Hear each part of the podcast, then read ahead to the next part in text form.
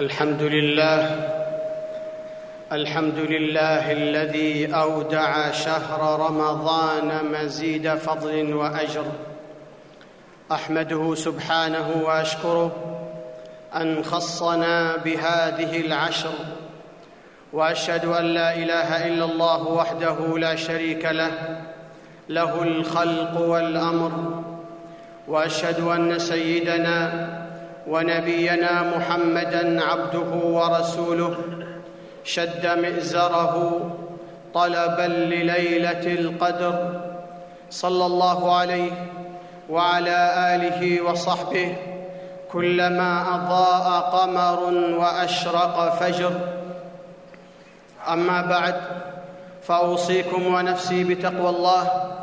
قال الله تعالى يا أيها الذين آمنوا اتقوا الله حق تقاته ولا تموتن إلا وأنتم مسلمون.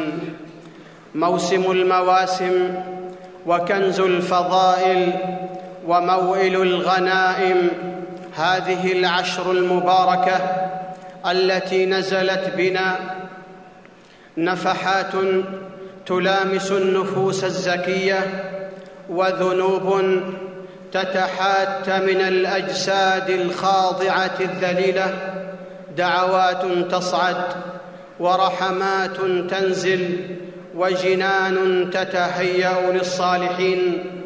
في هذه العشر سباق إلى رضوان الله وتسابق في ميادين الطاعة والعقلاء يعلمون أن الأعمار قصيرة والآجال غير معلومة والدخول في مضمار السباق وميدان التنافس يجعل المسلم يتطلع إلى اللحاق بمن يفوقه ورعا وعبادة ودعوة. قال الله تعالى والسابقون السابقون أولئك المقربون.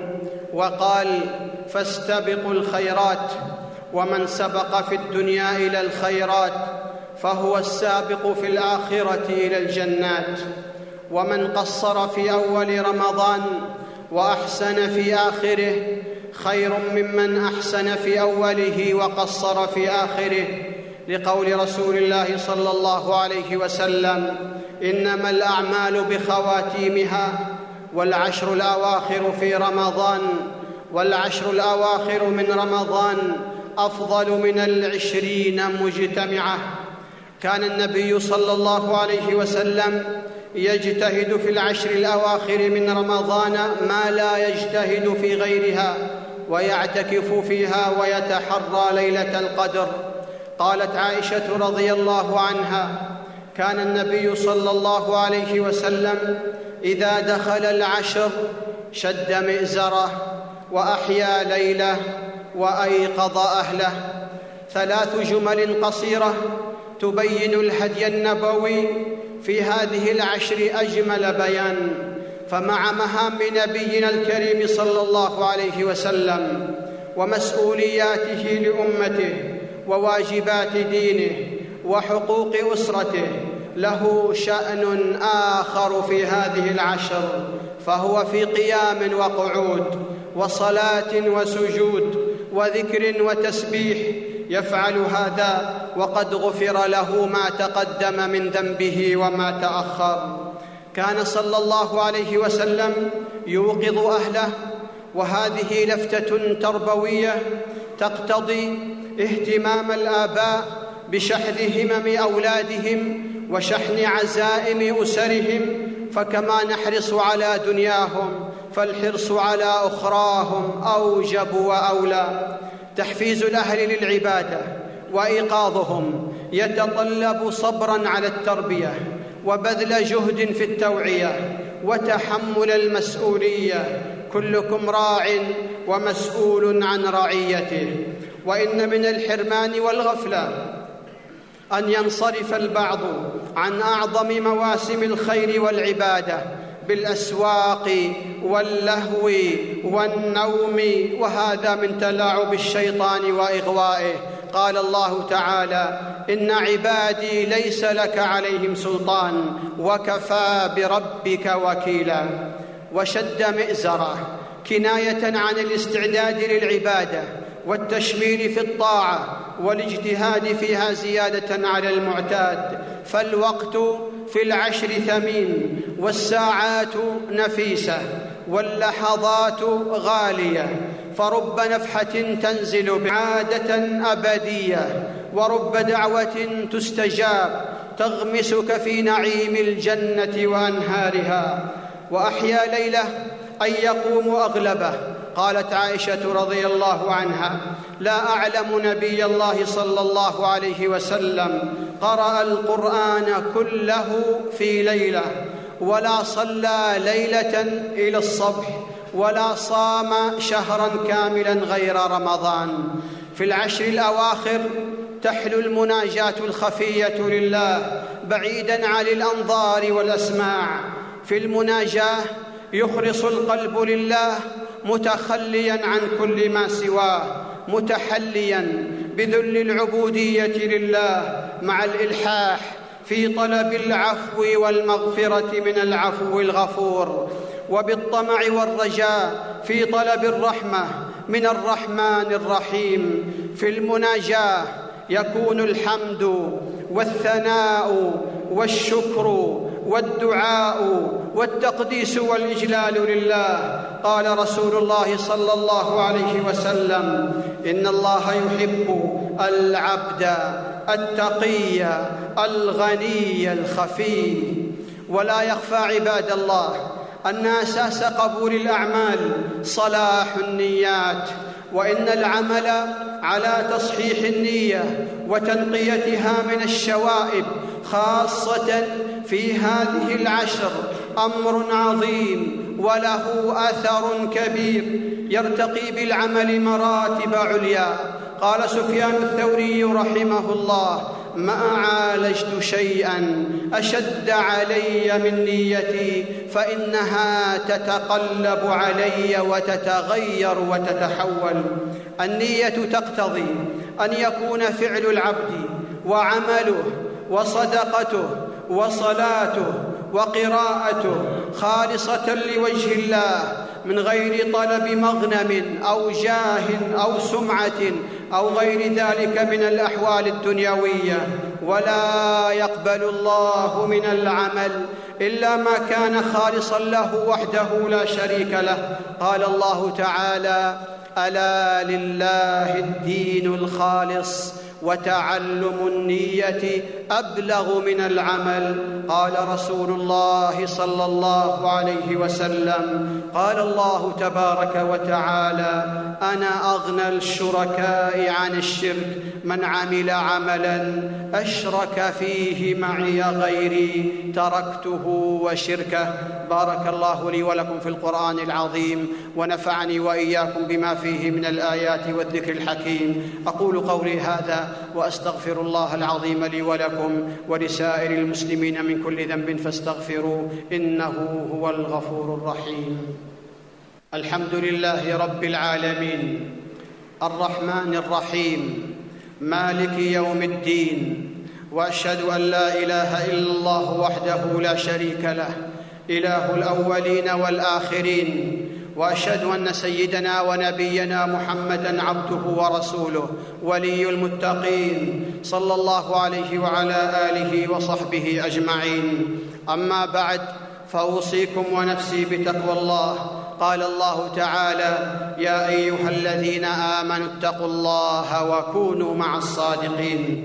بعد أيام قلائل تحتفل الأمة بنعمة إتمام شهر رمضان وتفرح بالعيد الذي يشرع فيه التكبير من غروب شمس ليلة العيد إلى صلاة العيد. كان ابن مسعود رضي الله عنه يقول الله اكبر الله اكبر لا اله الا الله والله اكبر الله اكبر ولله الحمد وعن ابن عباس رضي الله عنهما الله اكبر الله اكبر الله اكبر ولله الحمد الله اكبر واجل الله اكبر على ما هدانا وكان سلمان رضي الله عنه يعلم التكبير ويقول كبروا الله أكبر الله أكبر الله أكبر كبيرا.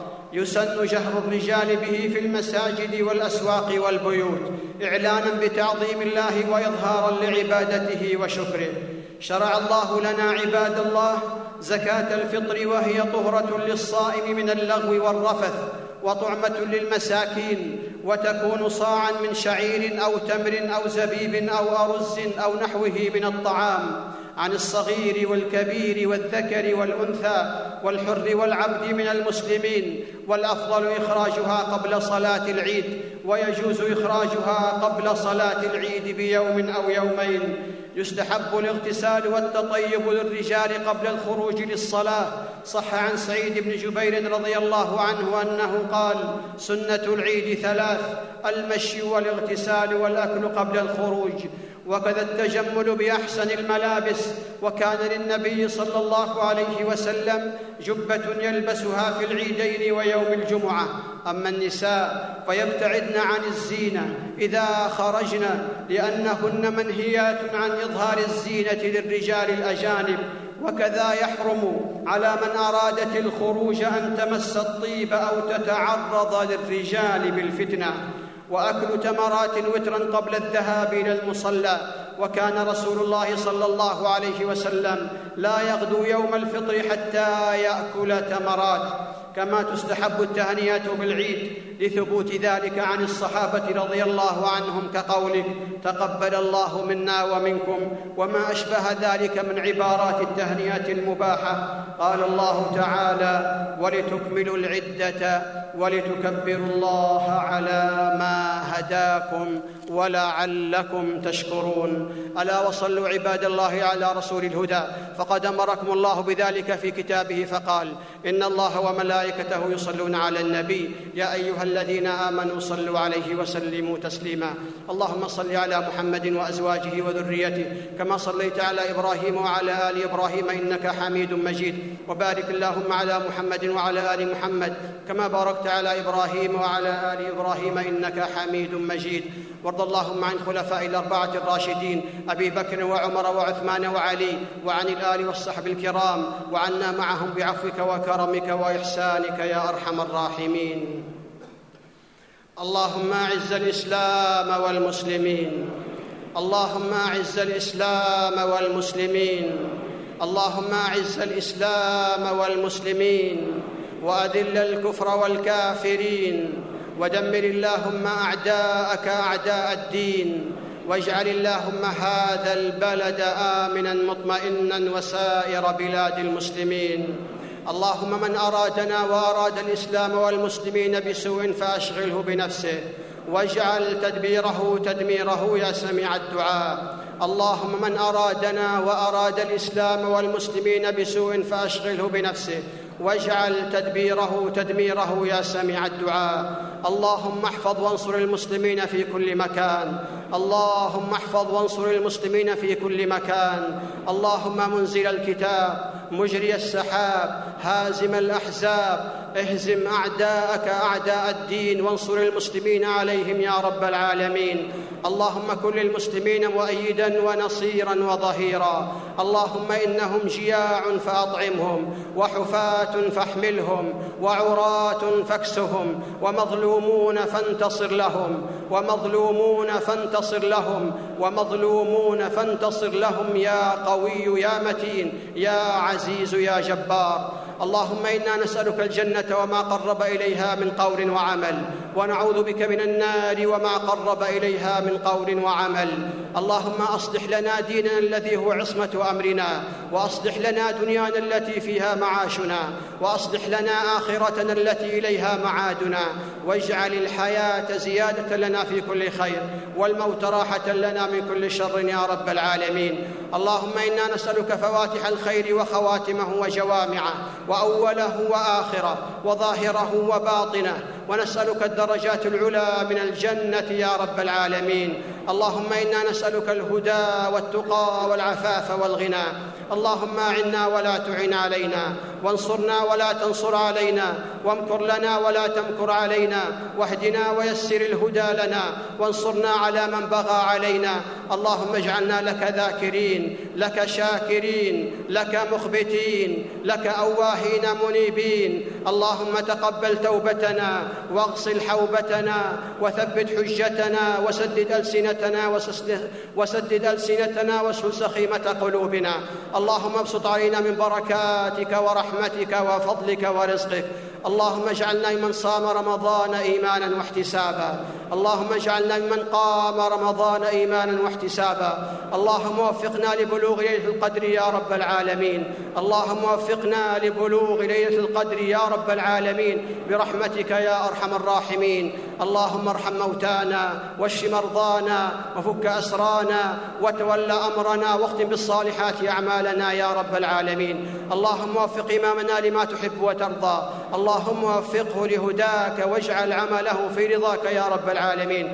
اللهم وفق جميع ولاة أمور المسلمين للعمل بكتابك وتحكيم شرعك يا أرحم الراحمين. ربنا ظلمنا أنفسنا وإن لم تغفر لنا وترحمنا لنكونن من الخاسرين. ربنا اغفر لنا ولإخواننا الذين سبقونا بالإيمان ولا تجعل في قلوبنا غلا للذين آمنوا. ربنا إنك رؤوف رحيم. ربنا آتنا في الدنيا حسنة وفي الآخرة حسنة وقنا عذاب النار. إن الله يأمر بالعدل والإحسان وإيتاء ذي القربى وينهى عن الفحشاء الفحشاء والمنكر والبغي يعظكم لعلكم تذكرون فاذكروا الله يذكركم واشكروه على نعمه يزدكم ولذكر الله أكبر والله يعلم ما تصنعون